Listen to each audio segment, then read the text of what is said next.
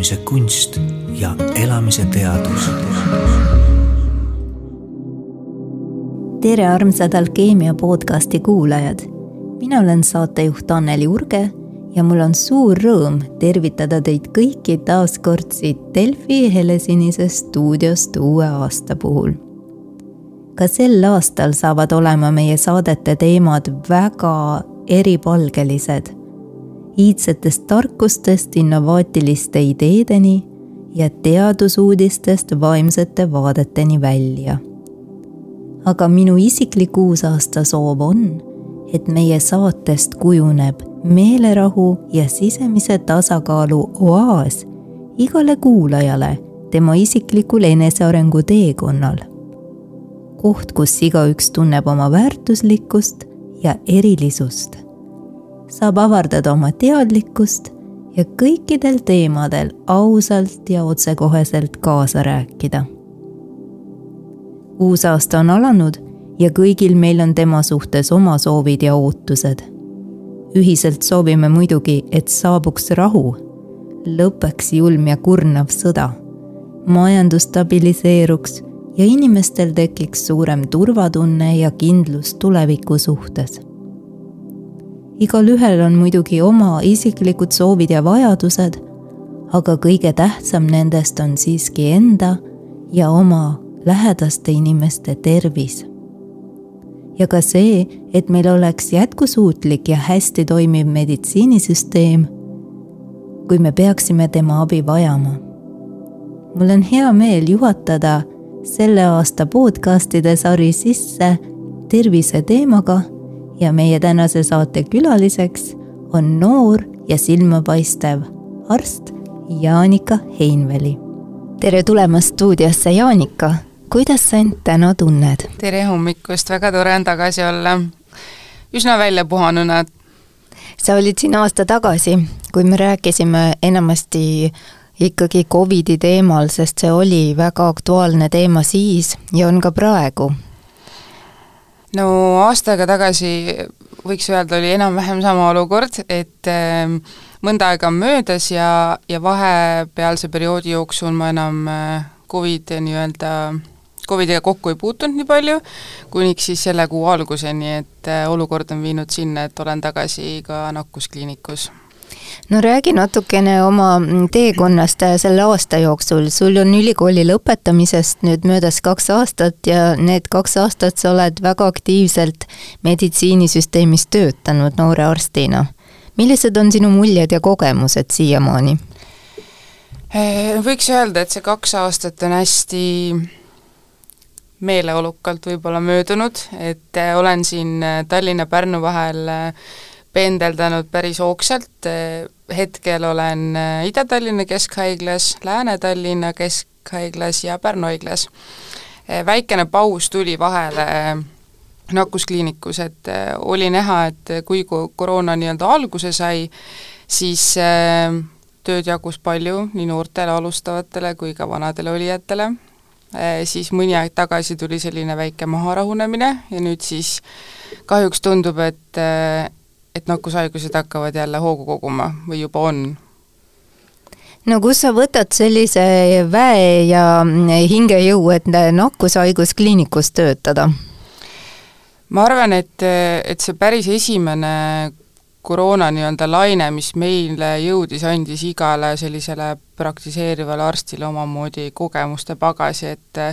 et nüüd uuesti minna, teha sedasama asja on natukene kindlasti kergem nii füüsiliselt kui vaimselt, et äh, praegu lihtsalt äh, uuesti tagasi samasse, samasse kohta. No räägime sellest äh, uuest koroonalainest, et vahepeal juba tundus, et asi hakkab maha rahunema, aga uudised, mis Hiinast tulevad, räägivad teist keelt uus äh, koroonalaine ja kui rääkides sellest uuest tüvist, on ikkagi, või tüvest äh, meie jaoks ähm, äh, natuke võib-olla liiga uus, et me ei oska täna kindlasti öelda, millised mõjud on pikemas perspektiivis sellel tüvel noh, meie tervisele, aga teada on see, et, et ta kindlasti on väga nakkusohtlik. et, et me peaks olema nagu väga mm, ettevaatlikud selle, selle olukorraga hetkel no kas on juba teada, kuidas inimesed seda äh, uut tüve läbi põevad, et kas see on nagu raskemini kulgev või on siis äh, samasugune, nagu oli see omikron, mis me alles kogesime? noh, teada on, äh, on üsna vähe, aga, aga pigem on see, et ta võib-olla ei ole nii raske, noh, niivõrd raske kuluga, aga ta on rohkem nakkavam. et see on jälle, et ku-, kuidas vaadata, eks, et et natukene juba võiks hakata mõtlema selliste äh, kergete piirangute peale, sest me näeme täna, mis Hiinas toimub ja me ei saa täna välistada, et, et see jõuaks ka sellises äh, mahus meile no see on juba hirmutav mõelda, kui lugeda uudiseid, et Eesti riik justkui ei taha mingeid piiranguid seada ka Hiinast tulnud inimestele. mõned Euroopa riigid on need juba kehtestanud, et äh, see koroonatüvi võib siin väga vabalt juba levida. noh, mõned riigid äh nagu näiteks on ju Itaalia, Hispaania, Prantsusmaa on tegelikult üsna, üsna sellisel ühisel arusaamal, et, et peaks uuesti kehtestama vähemalt siis Hiinast tulevate turistide testimise ja, ja piiranguid ka kehtestama, et ma arvan, et äh, hetkel veel ei ole see Eestis vajalik, aga kui see jätkub äh, samas tõusutendentsis, siis võiks sellise ühise otsuse, ma arvan, et kõikide riikide poolt vastu võtta, et need ei pea olema nagu nii laialdased piirangud, aga nad peaks hõlmama ikkagi sellist üleüldist testimist, eks, riigipiiri ületamisel ja, ja noh, vaktsineerimine, eks, et äh, kui Hiina uudiseid äh, kuulata, siis enamasti mm, räägitakse seal ka väga suurest suremusest, et justkui ei ole enam neid äh, surnukehi kuhugi panna, et isegi jäätise külmlaod on neid täis. noh, ma arvan, et äh, Hiinas on, on ka see, et nad nägid seda tulemust nende rangete piirangute nagu äh, rangetest piirangutest tulenevalt ja siis nad jällegi võtsid need piirangud maha, eks, et väga drastiliselt. et see andis ka kohe selle tulemuse nii nakatumises kui nende eh, hukkunud inimeste arvus. ma arvan, et liiga kiiresti ja liiga suuremahuliselt tehti seda, et sealt ka sellised koledad tulemused mida sa ennustad äh, meile, et kas, kas uus koroonalaine tuleb ja milleks me peaksime valmis olema? Äh, noh, nii palju, kui vaadates nüüd nende viimaste kuude statistikat ja sellist üleüldist nakatumist, siis äh, ma, ma usun, et ta on üsna kontrolli all praegu veel hetkel, aga see ikkagi taandub jälle sellesama nii-öelda punkti juurde, et äh, juba ise võiks ikkagi selline elementaarse asjana mõelda, et kui me lähme rahvarohkestesse kohtadesse, esiteks võiks üldse vältida neid üritusi, kus on väga-väga palju inimesi, ja võiks see mask ikkagi taskus olla, et see on selline imeväike asi, mis sa saad tegelikult ära teha, et ennast natuke kaitsta.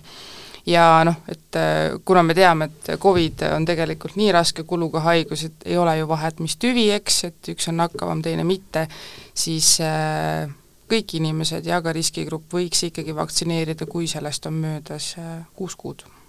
nii et äh, inimesed, kes on juba tegelikult saanud kolm äh, vaktsineerimiskorda, kas nemad siis peaksid mõtlema ka neljanda, viienda? Noh, praeguse süsteemi järgi ametlikult on öeldud, eks, et kui on kuus kuud sellest põdemisest või vaktsineerimisest möödas, et, et võiks uuesti teha ma arvan täna või jah, et olen arvamusel, et, et selle kordusvaktsiini võiks ikkagi teha, vaadates nüüd neid viimaste kuude andmeid. Nende vaktsiinide kohta muidugi räägitakse ka erinevaid legende ja viimasel ajal on hakatud rääkima just Pfizeri vaktsiinist, mis on siis olnud kahjulik ja põhjustanud tromboosi. kuidas sina sellesse suhtud? Ma suhtun sellesse nii, et ma arvan, et praegu lihtsalt äh, väga paljud äh, otsivad sellist jutuainet, et äh, võtta kinni nendest vaktsiinidest ja tuua välja hästi palju neid miinus, miinuspooli, et tegelikult eks neid juhtumeid ikka on, aga nad, neid on ikkagi nii vähe, et me ei saa noh, mõelda, et nüüd vaktsiin põhjustab selliseid kõrvaltoimeid, et sellega ma nõus ei ole. et pigem on see ikkagi inimese mingi organismis juba varem tekkinud seisund, mida vaktsiin in-, siis intensiivistab? põhimõtteliselt küll jah, et see ei ole otseses seoses vaktsiiniga, et vaktsiini kindlasti sellel määral ja selle põhjusega kartma ei pea täna. Covid ei ole ainus nakkushaigus, mis siin levib, et Eestis on alanud ka gripihooaeg juba mõnda aega, me kuuleme, kuidas haiglad on täitunud gripihaigetega. noh, grippi tulek sel aastal oli natukene varem, kui ennustati, et see laine tuli peale hästi intensiivselt ja, ja üsna niimoodi isegi laastavalt, ma arvan, et me ei olnud täna üldse valmis selleks, et gripp võiks nii palju äh, haigeid ja haiglaravi vajavaid inimesi endaga kaasa tuua. aga, aga see olukord on üsna, üsna tõsine täna, jah kas see on lihtsalt meediatrikk või on see tegelik reaalsus, sina, kes näed asju haigla seestpoolt? eelmine aasta justkui grippi ei eksisteerinudki, et äh, mõned üksikud juhtumid, aga sellest me ei kuulnud palju. sel aastal vastupidi see ongi tegelikult reaalsus, et eks meedia natukene ikka äh, nii-öelda äh, ütleme, et äh, need reklaamid selle gripi tuleku kohta on natukene tõesti ülepaisutatud, aga, aga seal ei ole tegelikult midagi vale, et võrreldes eelmise aastaga, eelmine aasta kogu meie fookus oli ikkagi Covidil. ja A-gripp ei olnud sellise levikuga, mis ta täna on, et äh, praegu nüüd äh, ennustatavalt varem alanud ja üsna, üsna niimoodi suure lainega eriti just A-gripp, et et gripp ja Covid mõlemad tegelikult on nagu väga no üsna raske kuluga haigused. et, et seda on ka nagu nakkuskliinikust näha, et mitte ainult ei ole siis Covid äh, nii-öelda põdevad patsiendid seal, vaid täna ka gripihaiged no gripi kõrghooaeg on ähm, jõudnud meieni tavaliselt kuskil veebruar-märts isegi, kui inimesed on juba väsinud sellest raskest talvest ja vitamiinivarud on ka organismis juba otsakorral. kuidas sel aastal sa ennustad? No ma julgen öelda, et see kõrg ehm, nii-öelda punkt on ehk eh, peaaegu saabumas, sest ta tuli noh, mitu kuud varem, et eh, et natukene on nendes arvudes sellist langust näha, aga kindlasti ei ole see, see lõpp hetkel, et, et eh, ikka on neid paraku juurde tulemas. nii, gripi vastu saab samuti vaktsineerida ennast, kas inimesed teevad seda? Jaa, selles mõttes, et, et tegelikult on näha, et kõigil, kellel on selleks võimalus täna ja nagu selle jaoks on hästi palju ära tehtud, eks, et tasuta gripi vaktsineerimine on võimaldatud põhimõtteliselt kõikidele, eriti siis riskirühmas olevatele inimestele, pereõe ja perearsti poolt. et neid kohti on nagu väga palju ja on näha, et inimesed tegelikult kasutavad seda võimalust ära. et teevad endale samaaegselt äh, nii Covidi kui gripivaktsiini. inimesed äh, on juba ettevaatlikuks tehtud? inimesed on jaa ettevaatlikuks tehtud ja tegelikult on ka näha, et äh, noh, gripiravimid, gripivaktsiin, et oli vahepeal selline puudus, nüüd on juba jälle tasakaalustatud see olukord, et inimesed nagu järjest rohkem no, nii-öelda Eh, on vaktsiini ikkagi poolt, et nad vaktsineerivad ja on kursis sellega, et, et on näha, et see gripikulg on ikkagi üsna raske. kas sa oled märganud, kas meie ühiskonnas on ka mingisugune mindset'i muutus toimunud nende Covidi aastatega, et inimesed ikkagi pigem on seda vaktsineerimisusku või hoopis vastupidi, kuidas sulle tundub? no ma arvan, et, et kui see kõik alguse sai, siis, siis see vaktsineerimise noh, temaatika tõi kaasa endale kaks poolt, need, kes on täiesti vaktsineerimise vastu, need, kes on selle poolt. aga, aga noh, et kui nüüd vaadata, siis tegelikult äh, vähemalt väga paljud äh, need inimesed, kes on selle vastu olnud, on natukene oma ikkagi seda mindset'i muutnud, et nad näevad, et need, kes on vaktsineeritud, on põdenud seda palju kergemalt ja need, kes siis ei ole, on näiteks haiglas pidanud veetma oma nii-öelda haiguse perioodi. noh, ma arvan, et see ikkagi rohkem on läinud sinna, et aktsepteerime vaktsiine et justkui inimesed on võtnud vastutuse rohkem ka oma ja oma lähedaste tervise eest. jaa, ja eriti mõjutab muidugi see, et kui keegi näebki enda lähedast inimest äh, väga raskes olukorras, et see ilmselgelt hirmutab ära. kindlasti ja neid olukordi on siin ju korduvalt nähtud. jaa, väga palju kahjuks viimasel ajal äh, oleme kogenud seda, et ravimeid pole küllaldaselt meedias on ka läbi käinud, et ei olnud küllalt siin laste palavikualandaja siirupit ja isegi gripivaktsiinid olid otsa saanud. kuidas sa seda selgitad? Noh, see on selline ehe näide tegelikult selle Covid äh, järgsetest äh, probleemidest, mis tegelikult äh, noh, puudutavad meid ja teisi riike üldse maailma sellise tarneahela, ahela poolt. Et äh, puudus on olnud, ma mõned päevad tagasi ka vaatasin, et see on lahenemas vaikselt, sest kindlal perioodil on tavaliselt mingite ravimite nii-öelda kättesaadavusega probleeme, noh, me rääg-, räägime antibiootikumidest, oli siin siis nagu sa ütlesid, eks ju, palavikualandajad, nad on täna asendatavad ja, ja nagu tegeletakse selle murega, aga see on ikka selle Covid, Covid-laine järgnev probleem. ja noh, kõige lihtsam viis, eks, ennast kursis hoida, kui ka lihtsalt kui sul on kirjutatud mõni retsept, et siis ravimiregistrisse sisse lüüa see nimi, et seal on ilusti näha, et kus seda saadaval on, kas seda saadaval on ja mis koguses tõenäoliselt arstid vaatavad ikka ka enne seda, kui nad ravimi välja kirjutavad, kas seda üldse saada on, et pole ju mõtet kirjutada, kui inimene ei saa seda kuskilt osta. jaa, kindlasti, et eriti praegu, et kui see olukord on natukene selline tavapärasest teistmoodi, siis siis me vaatame ja, ja leiame siis alternatiivi, et kui ei ole konkreetselt seda ravimit saadaval hetkel aga mis üks, iga inimene enda jaoks ise ära teha võiks, kas peaks olema koduses apteegis üks standardpakk, selline, kus on üks antibiootikum ja siis äh, need lihtsamad palavikuravimid ja, ja noh, ütleme, et olla valmis erakordseks olukorraks. Antibiootikumidega on natuke raske, eks, et me ei saa neid kodus nagu varuda ilma iga näidustuseta ja kui meil ei ole, ei ole selleks põhjust, aga noh, selline ma arvan, et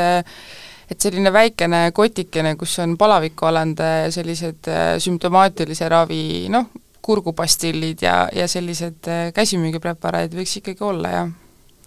kuidas on äh, Covidi ravimiga lood? siin räägiti eelmine aasta mm, väga laialdaselt, et äh, selline ravim on juba välja töötatud ja mm, pikas perspektiivis oli tema tulekut Eestisse ka oodata, aga täna ma ei ole rohkem kuulnud, kas äh, on see ravim Eestisse jõudnud ja kas see on ka efektiivne? hästi palju jutuainet on pakkunud see Covid ravim ja, ja pigem on see, et see ta on veel üsna sellises algfaasis, et midagi on ja midagi justkui ei ole, aga midagi sellist tõenduspõhist äh, ja kindlat kindlasti ei ole praegu veel. aga kui võtta gripiravim Tamiflu, noh, gripiravim on teada natuke varasemalt, eks, ja ta on ka selles mõttes äh, äh, üsna efektiivne, et Tamiflu on, on olemas, lihtsalt tarneraskused on Tamifluga, sest et nakatunute arv on, on üsna ruttu tõusnud, et siis sellest ka see ravimipuudus, aga see on ka juba lahendamisel, et sellepärast muretsema ei pea. aga Tamifluga Covidit sisuliselt ei ravi? sisuliselt mitte. räägime ka sellest, mida inimesed ise veel võiksid ära teha, et oma immuunsussüsteemi tugevdada ja olla siis äh, nii-öelda vähem vastuvõtlik nendele nakkustele. mis on sinu soovitus? noh, ma kõige esimene soovitus äh, suures plaanis on ikka, on ju, vaktsineerige, vaktsineerige, vaktsineerige, aga, aga kui see nagu kõrvale jätta, siis äh, rahvarohkete kohtade vältimine, et võib-olla mitte, mitte iga nädalavahetus kuskil üritusel olla, et ennast natuke hoida, eks, eriti kui kodus on noh, vanemad inimesed, et natuke arvestada teistega enda ümber. Mm, üleüldiselt ka lihtsalt puhata korralikult, et, et kui inimesed on väsinud pidevalt, et siis see on ka üks, üks põhjus, miks tegelikult me täna võime natuke kergemini need nakkused vastu võtta paljud inimesed ongi väga väsinud ja on, on olemas selline termin nagu krooniline väsimus, millest see tuleb? noh, kõige esimese asjana peaks mõtlema, on ju, et millest see väsi-, noh, millest see väsimus tuleb, et kas see väsimus on olnud üks päev peale rasket tööpäeva või see on siis kuhjunud, eks, nädalate, kuude, võib-olla isegi aastatega. väsimusel ei ole alati noh, kindlat põhjust, ongi mitu, mitu faktorit, mis on selle toonud ja, ja krooniline väsimus tegelikult äh, Äh, võib ju viia ühel hetkel depressioonini, eks, et see on üks osa kogu sellest äh, depressiooni teemast. Äh, või siis on jah, on lühiaegne väsimus või on seotud mõne terviseprobleemiga, et kõige olulisem asi ongi teha selgeks, et millest see väsimus tuleb. kuidas seda siis selgeks teha? no eks ikka ind-, iseenda käest küsida, et kui see väsimus tuleb noh, ütleme, et on seotud sinu igapäevategevustega, sinu töö, sinu hobid, inimesed sinu ümber, siis natukene endaga maha istuda ja see selgeks teha, kui sa tunned, et see väsimus on ikkagi tekkinud kindlal ajaperioodil, võiks sellise tervisekontrolli teha, lasta vaadata oma sellised nii-öelda üleüldise kontrolli, et aru saada, et tervisega on kõik okei okay., kui seal on kõik hästi, siis hakata mõtlema muude faktorite peale ja seal on ka elustiil kindlasti oluline, et inimene ikkagi viibiks värskes õhus küllaldaselt, mida talvel siin selliste koerailmadega palju inimesed teha ei taha. pigem on see, et väljas on pime, et äh, siis äh, inimesed töötavad nelja töökoha peal, eks, et ei maga piisavalt, ei toitu korralikult, ei liiguta korralikult ja siis see, tegelikult kõik kuhjub ja, ja tulemus ongi selline krooniline väsimus, mis väljendub selles, et me ei jõua enam mitte midagi teha ja siis igaüks peaks tegelikult oma päevaplaani, elustiili ise oma mõttes läbi vaatama. Ja kindlasti jaa, et sinna mahuks nagu, et hästi lihtne on endalt hästi palju küsida ja, ja paluda ja teha nagu ühel hetkel natuke üle oma võimete, aga kui sa järgmisel hetkel ei jõua isegi voodist tõusta või see motivatsioon on kadunud, siis siis jah, et pigem peaks vaatama ka enda selle plaani üle no levinud arusaam on see, et väsimuse korral viskan kamaluga toidulisandeid, vitamiine sisse, et küll need siis mind aitavad selles. räägime ka vitamiinidest ja toidulisanditest, et äh, oled sa vitamiini usku? eks ma ikka olen jah, no D-vitamiin on vist enamikel eestlastel äh, üsna madal aastaringselt, see on ka põhjendatav, sest meie need päikesepaistelised ilmad on äh, pigem harv nähtus, eriti praegusel perioodil, et kas neid niimoodi regulaarselt kontrollida, seda ma ei, noh, seda ma ei arva, et, et, et, et kui on tõesti väga suur väsimus, siis võiks, võiks neid tasemeid vaadata, aga üldiselt mitte, et sellise regulaarse korraliku toitumise juures või, võiksid nad ikkagi olla normis. Viimasel ajal on ähm, väga levinud ähm, selline Terviseameti kampaania mis ütleb, et ebaravi ronib sisse uksest ja aknast. ebaravi, see on siis äh, ravimitoimeta tooted ja teenused, mida pakutakse ja uhuu, seda kutsutakse uhuu, võib isegi tappa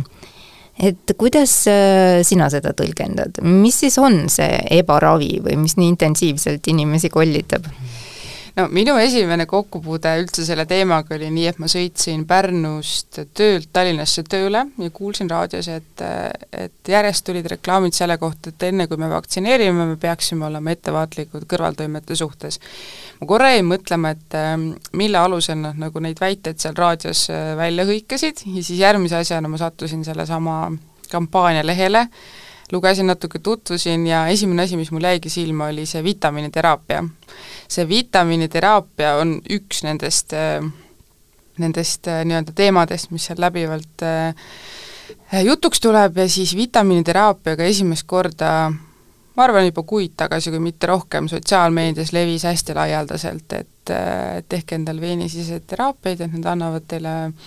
märkimisväärsed tulemused üsna lühikese aja jooksul ma arvan, et see ongi täna üks selline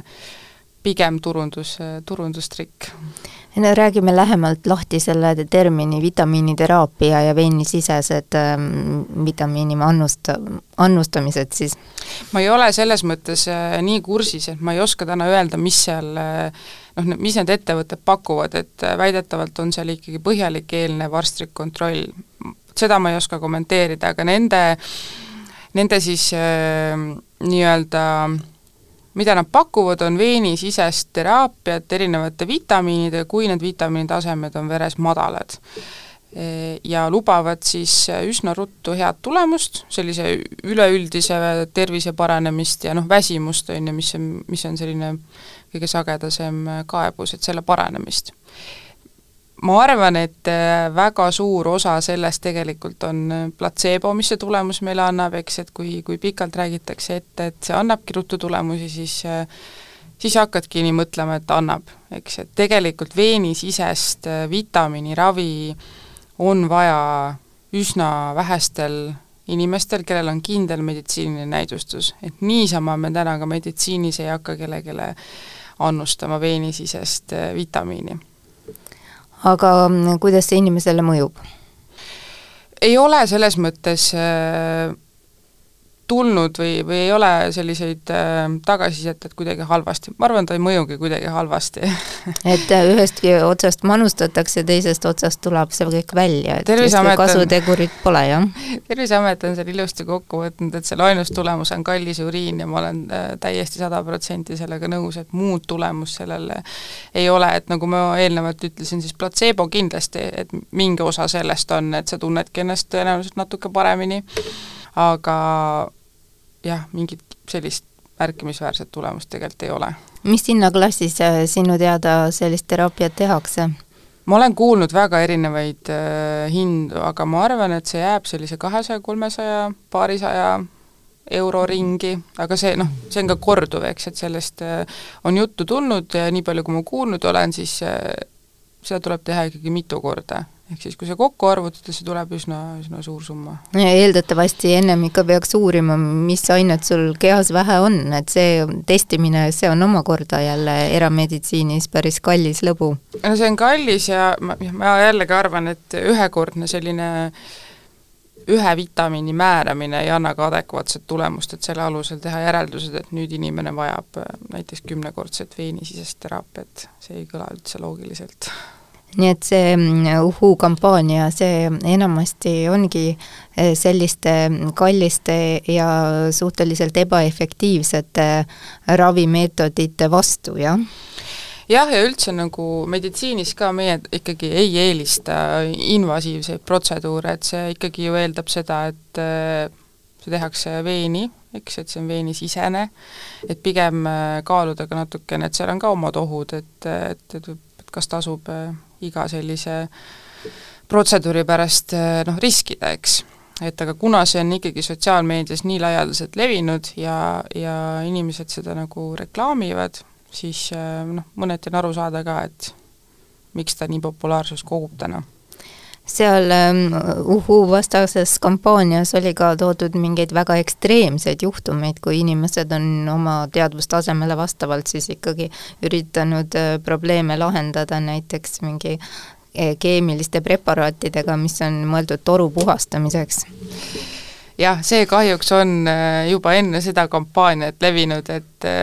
noh, sotsiaalmeedial on nii suur mõju täna meie nii-öelda arusaamadele ja kahjuks on neid, ma natukene viisin kurssi ennast eelmisel nädalal, vaatasin neid gruppe, mis on loodud ja, ja neid erinevaid äh,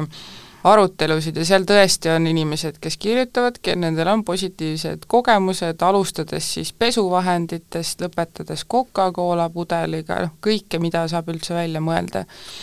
Ja neid katsetatakse ka laste peal, et see on natuke hirmutav, et äh, kuidas see siis välja näeb? noh, et äh, kui keegi ütleb sulle kuskil grupis, et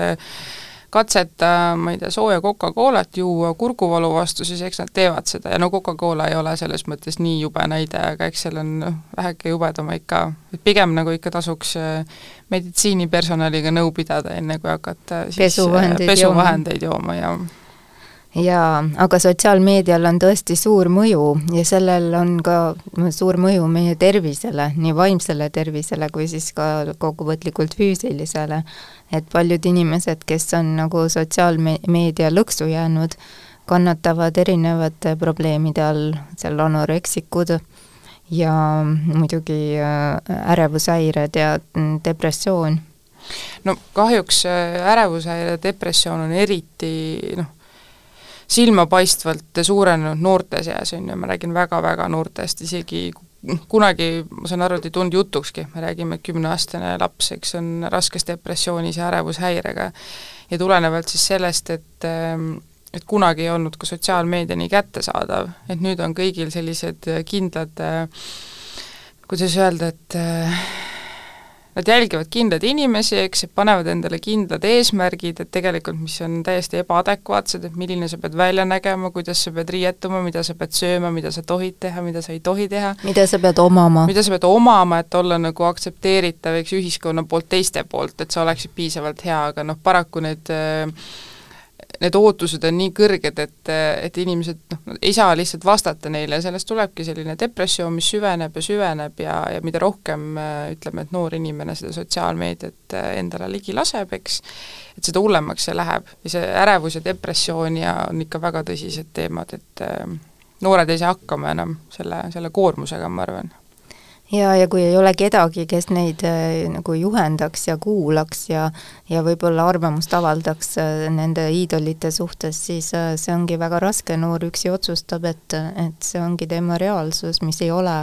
No kas või toitumishäired, on ju, et äh, ikkagi jälle süvenev probleem, et kuidas siis äh, sotsiaalmeedias on ka ju propageeritud, eriti eelmisel aasta kevadel vist oli jutuks, et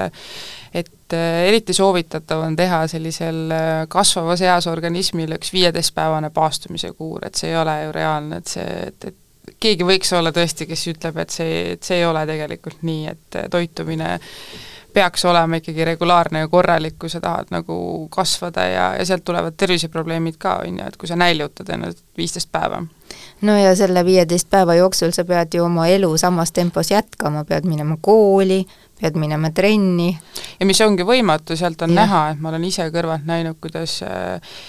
ütleme, et see mõjutab niimoodi, et kui sa ei söö, sul ei ole energiat, sul ei ole jaksu, eks, et koolis sa ei saa hakkama, siis langevad need hinded, trenni sa ei jõua, tulemus on äh, tohutu väsimus ja sellest tegelikult ka depressiooni süvenemine.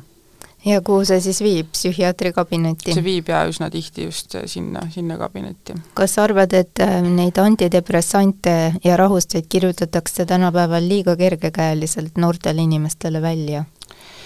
Ma võib-olla kunagi arvasin seda natukene rohkem, et eh, noh, et kui sa kuulad, mis ümberringi toimub, et kui kergekäeliselt rahustit näiteks kirjutatakse mm, -hmm. aga vaadates seda üleüldist pilti noorte seas täna,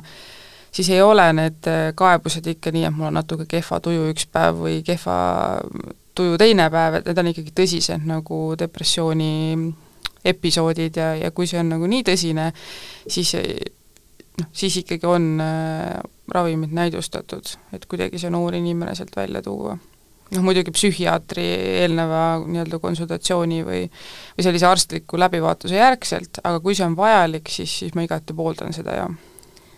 kui see ravikuur siis läbi saab, see on kuuldavasti väga raske jälle tavaellu naasata, et kuidas me toetame seda noort, kui tal kuur lõpeb?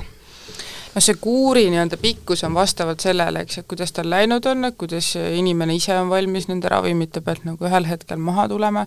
see tulek ei ole ütleme, selline kiire protsess, see tuleb hästi astmeliselt ja, ja vastavalt sellele mahatulekule nende astmetega, noh, kõige esimene asi on kodus, eks, et see noh, sinu perekond, sinu lähedased saaksid sellest aru, et see ei olegi lihtne, et see vajab aega ja sellist äh, noh, ülimat kannatlikkust, et, et toetada seda mahatulekut ja, ja vahetevahel on nii, et see jääb pidama, et tuleb nii-öelda edasi minna selle kuuriga, kui läheb hästi, saab niimoodi vaikselt maha tulla, täitsa oleneb inimesest. kuidas sinu kogemused näitavad, kas äh, noored on pigem äh, positiivselt meelestatud ähm, selle ravikuuri suhtes või on see ka niisugune tabuteema ja piinlik ja, ja oma kaaslaste suhtes nad ähm, ei, ei taha, et kuidagi see nende tervislik seisund tegelikult äh, tuleks ilmsiks? ma, ma olen tähele pannud seda, et ütleme, et ähm, viis aastat tagasi, võib-olla natuke rohkem, oli see ikkagi pi-, pigem selline tabuteema, et see on samamoodi nagu kunagi, kui keegi ütles või mainis seltskonnas, et ma käin psühhiaatri juures, psühholoogi juures, siis oli veidi teiste poolt selline mm -hmm. nagu mitte ehmatunud, aga see ei olnud nii aktsepteeritav, kui see täna on. et praegu, kui noored sellest räägivad, siis ma ei ole aru saanud, et nad seda varjaks kuidagi, et pigem on see, et nii palju on neid juurde tulnud ja siis nad jagavad nii-öelda oma kogemusi. et see on aastatega muutunud, ta-, noh praegu see ei ole selline tabuteema et pigem sotsiaalmeedias jagatakse ka neid kogemusi omavahel? jaa, ja nagu noh, ütleme, et järjest rohkem, on ju, kogemusi ja seda teekonda alates tegelikult sellest, kui on alustatud seda ravi ja, ja ma olen ise ka jälginud äh, mõnda sellist sotsiaalmeedias aktiivset äh, kasutajat, kellel on olnud probleem nagu väga raske depressiooniga ja terve selle teekonna ta on nagu oma jälgeid kaasa tegelikult äh, nii-öelda hoidnud kaasas, kuni siis selle hetkeni, kus ta sealt maha tuleb. Et see on ka tegelikult inspiratsiooniks siis teistele, et julgustada neid äh, ka nagu maha tulema ja oma normaalset elu jätkama pärast seda jaa, ja, ja mitte ainult, äh, noh, ma ei räägi kõikidest äh, sotsiaalmeedias figureerivatest tegelastest, aga, aga need, kes nagu ausalt seda nii-öelda väljendavad, siis nad äh, võtavad kaasa oma kuulajaskonnaga sellele perioodile, kus on nagu neid tagasilaskumisi, et see ei ole niimoodi ilus alati, et tulen, tulen, tulen ja tulen ilusti mhm. maha, et nad näitavad kõike ja see on nagu inspireeriv, et et ka siis, kui on tagasilööke, et ühel hetkel sa saad ikkagi tagasi normaalse argipäeva juurde naasta. et mõnes mõttes on sotsiaalmeedia siiski ka positiivne et siiski informatsioon levib selle kaudu, mis on ka adekvaatne. lihtsalt tuleb vahet teha sellele, et mida lugeda, mida endale süsteemi lasta. no kindlasti positiivne, aga paraku on seda infoallikaid on lihtsalt niivõrd palju täna, et me jäämegi nagu lõksu sinna, et mida uskuda ja mida mitte, eks, ja kui väga väga noorest äh, sellist kasutajast rääkida, siis ta võib-olla ei oskagi täna teha neid otsuseid, et mis on õige ja mis ei ole, et selles suhtes võib-olla peaksid ka need äh, noh, sotsiaalmeedias nii-öelda influencer'id natukene mõtlema, et mida nad jagavad, et mida nad äh, nii-öelda peavad õigeks, et kui su kuulajaskond on ikkagi kümne kuni viieteistaastased noored, siis võiks natuke läbi mõelda, mida sa tahad nendega jagada. Jah, aga see on ju ka selle influencer'i siis nii-öelda enda teadvussüsteemi see koht siis, mida ta siis ähm, ise mõtleb asjadest ja ilmselt neid ta ainult jagabki. seda küll, jah. et ne-, eks neid on näha ka, aga, aga no üsna raske on seda süsteemi muuta päris niimoodi päevapealt. kas seda üldse saab muuta? ma arvan, et mitte. reguleerida sotsiaalmeediat? üsna võimatu missioon räägime ka meie Haigekassa faceliftist mm, -hmm. et äh, nüüd ähm, sel aastal Haigekassast saab siis Tervisekassa. et kuidas äh, sina seda näed, kas see on ainult facelift või on seal ka mingi sisuline muutus toimumas? ma arvan, et tegelikult selle muutuse nagu noh, sisuline muutus, no, no põhimõtteliselt nad tahavad keskenduda sellele, et me keskenduks ise rohkem oma nii-öelda elustiilile, eks ju, ma arvan, et see on, see on väga õige, õige asi, mida teha et rohkem pöörata tähelepanu, mis me ise saame ära teha, eks ju, meie tervisehädad äh, äh, ei kimbutaks meid. aga kas ainult äh, üks nimemuutus annab inimestele informatsiooni, et jaa, nüüd ma hakkan ise oma tervise eest rohkem hoolitsema? ei, kindlasti mitte, ma arvan, et noh, kampaaniad erinevad, nagu see kas või see Uhuu tapab kampaania on üks selline, mis nagu informatsiooni rohkem inimesteni toob ja see Tervisekassa ka kindlasti hakkab tegema selliseid äh, kas siis üritusi või kampaaniaid, et keskenduda rohkem sellele informatsiooni levitamisele jaa, meedias on öeldud et, et kaheksakümmend protsenti sellest Haigekassa eelarvest täna kuulubki nii-öelda elustiiliga seotud haiguste raviks. no see on päris suur protsent, eks, et, et noh, sellest juba tulenevalt äh, ma arvan, et see on päris õige samm. ja siis ütleme, tõsised haigused ähm, jäävad äh, tähelepanuta? Võib nii öelda, jah mm. -hmm ja Arenguseire Keskuse analüüsi kohaselt on aastaks kaks tuhat kolmkümmend viis meie tervishoiust puudu üheksasada miljonit eurot. kui selline rahas, rahastamissüsteem jätkub, nagu täna see kehtib see on väga suur summa. see on väga suur summa jaa, et nagu sa ütlesid, on ju, protsentuaalselt tegelikult kaldub see kaheksakümmend protsenti ongi see elustiili muutuse poole, on ju, et kui saaks natukene rohkem või saaks seda kaalukaussi kas või veidi muuta, et siis ei oleks ka tõenäoliselt need summad nii suured. Et innustame siiski igat inimest ise oma tervisest hoolt kandma, et oma elustiili üle vaatama ja, ja siis seoseid tooma, kuidas tema elustiil võib tema terviseseisundit ohustada kindlasti, et äh, nagu me eelnevalt rääkisime, eks, et selline plaani tegemine, et äh, et noh, et võtta aega, et võtta aeg, äh, ma ei tea, jaluta pool tundi, et sellised hästi väikesed muudatused, see on selline teadlik tegutsemine, et ja kui seda regulaarselt teha, ma ei räägi, et teeme nüüd kolm päeva käime jalutamas, kolm päeva magame piisavalt, aga see peab ikkagi olema teadlik tegutsemine sellise kindla perioodi jooksul, mis on ainuke asi, mis täna tulemusi annab. nii et reaalselt ikkagi me peame oma mõttemaailmas äh, ja oma harjumustes tagasi minema sinna inimkonna algaastatesse, kus kas või Hipro-, Hippokrates, arstiteaduse rajaja, ütles, et kõike tuleks teha mõõdukalt, et siis ei ohusta meid, et selles mõõdukuses ongi täna nihe toimunud, et inimesed on tasakaalust väljas. jaa, et mõõdukas selles mõttes, et mitte jah, et laskuda äärmustesse, et, et see tervise või elustiili muutus ei tähenda ka seda, et sa nüüd peaksid kaheksa korda nädalas trenni tegema absoluutselt või mitte, jaa. või iga päev sööma kindel arv äh, juurvilju, puuvilju, et et see peab olema selline samm sammu haaval, et liiga suur äärmus viib vastupidise tulemuseni, eks, et siis võib järgmine terviseprobleem tekkida, et sul lihtsalt organism ei ole sellega ära harjunud. ja, ja no mitte ainult füüsiliselt, on ju, vaimselt ka, et, et natuke mõelda selle peale, et noh, võib-olla põhisõnum ongi see, mitte liiga palju endalt nõuda ja korraga, et see ei anna tulemusi. ehk siis olla enda vastu leebe? leebe ja aus ja, ja hea. aga ka kuulata oma keha, mis su keha sulle räägib, et kui kehal on ju oma tarkus ja, ja tervenemise võime, et mitte sellele vastu toimida, et kui ikkagi hommikul tunned, et oled päris väsinud äh, eelmisest päevast, et kas siis tasub kohe hommikul kell seitse sinna trenni minna ja ja, ja siis sealt edasi tööle ja nii edasi, et jõuda koju siis umbes kella kümneks õhtul, kus see puhkuseaeg jääb äh, suhteliselt väikeseks. kindlasti jaa, ja üldse, et kui noh, et nagu näha pra-, praeguses muutuvas maailmas, et inimesed töötavad ju tegelikult mitme töökoha peal, eks, ja kui sa ühel hetkel ise ei saa aru, et sa oled väsinud ja tegelikult sa ei jõua enam, siis äh, keha ise, ise paneb selle asja natuke paika, et siis sa jäädki koju niimoodi jaa, sind võetakse lihtsalt siis maha rajalt nii-öelda. just, just, just, et tegelikult võiks jah, natuke ise, ise ennetada seda, et kui sa tunned ikkagi, et sa oled väsinud ja, ja ja võib öelda, et noh, läbi põlenud, et siis võta natuke aega ja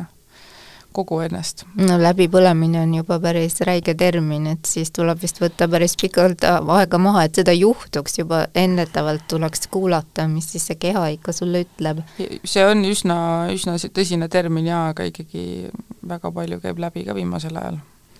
et sina oled noor arst ja nagu siin juttu oli alguses, sinagi töötad mitme koha peal. kuidas sina ennast tasakaalus hoiad? Eks ma ise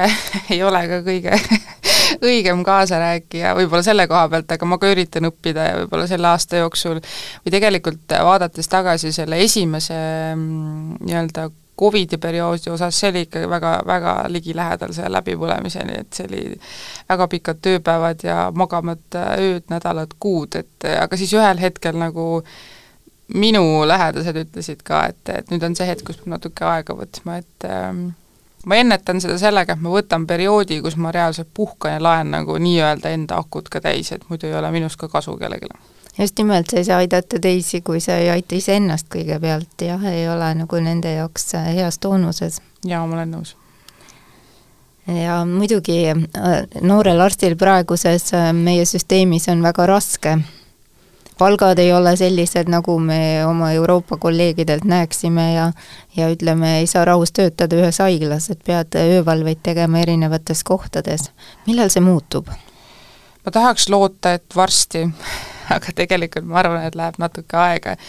et no ja ikka, alustavale noorele arstile on üsna raske ennast nagu kuskil paika seada või, või nagu kehtestada, aga, aga tegelikult ikkagi on äh,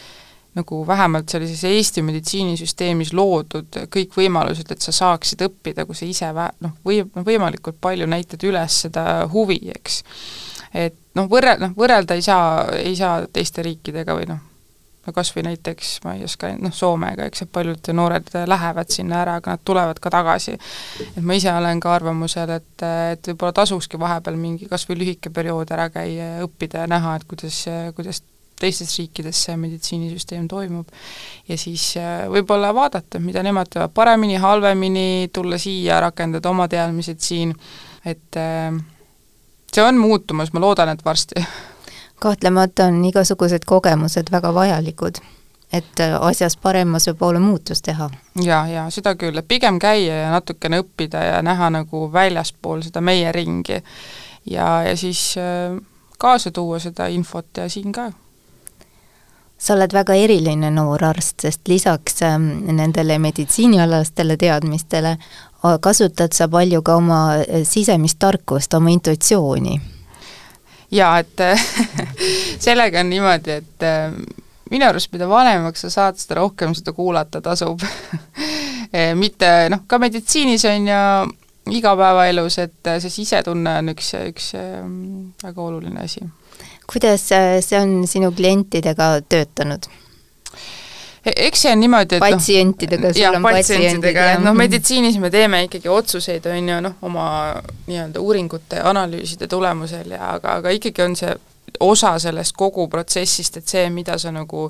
mida sa tunned, arvad, tead, et oleks õige teha ja sa lihtsalt suunad, et, et me võiks teha niimoodi ja nagu see tihtipeale peab paika et su sisetunne nagu justkui õigustab ennast teha just neid uuringuid, mida sellel patsiendil no, siis näiteks jaa, et, et seda tasub nagu kuulata, et äh, mitte ainult, et äh, see, mida me paberil näeme, et natuke nagu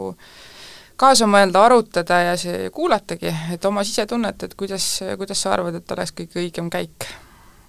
ja, ja siis me võime ka teha järelduse, et isegi kõige teaduspõhisemal meditsiinil on seos siiski meie sisemise tarkusega, et seda me ei saa ignoreerida. ja seda me ei tohikski ignoreerida.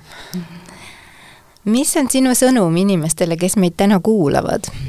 mis sa tahad neile soovida? Eh, minu sõnum võib-olla on see, noh, et mõeldes nüüd selle eh, nakkushaiguste leviku osas, et, et ikkagi kuna see olukord on paranemas, et meie inimesed on natuke kaotamas seda valvsust ümberringi, et mitte unustada, et need äh, haigused ei ole täna kuskile kadunud, et pigem olla natuke ettevaatlikum, et äh, iseenda ja ennast ümbritsevate suhtes ka, et, et, et jah, ettevaatlikkus on see sõnum ja selline üksteise hoidmine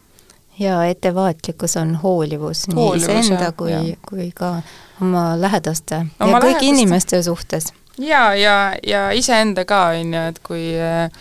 kui sellest depressioonist ja ärevusest ja väsimusest ja kogu, kogu kõikidest nendest läbivatest teemadest nagu tagasi, tagasi minnes, siis äh,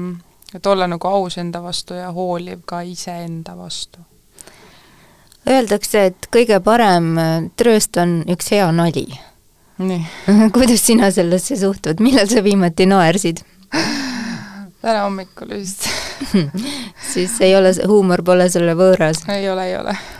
ja kui siis ikkagi kõik need teemad tunduvadki liiga sünged ja tõsised, siis no äh, seda tulebki võtta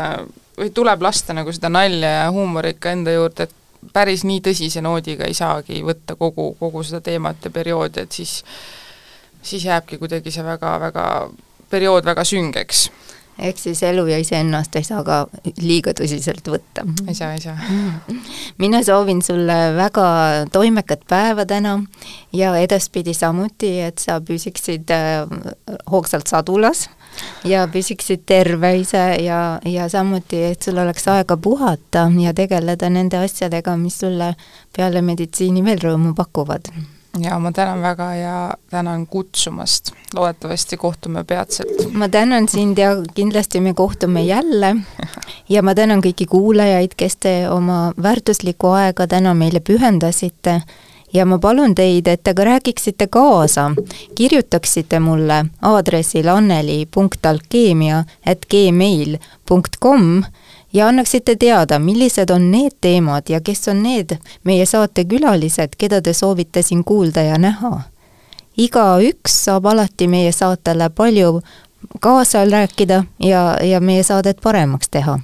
ma tänan teid kõiki ja järgmiste põnevate kohtumisteni. alkeemia, muutumise kunst ja elamise teadus alkeemia taskuhääling toob teieni huvitavat ja harivat keha, hinge ja meele vallast. kuula ja loe alkeemia.ee, leia meid ka Facebookist ja Instagramist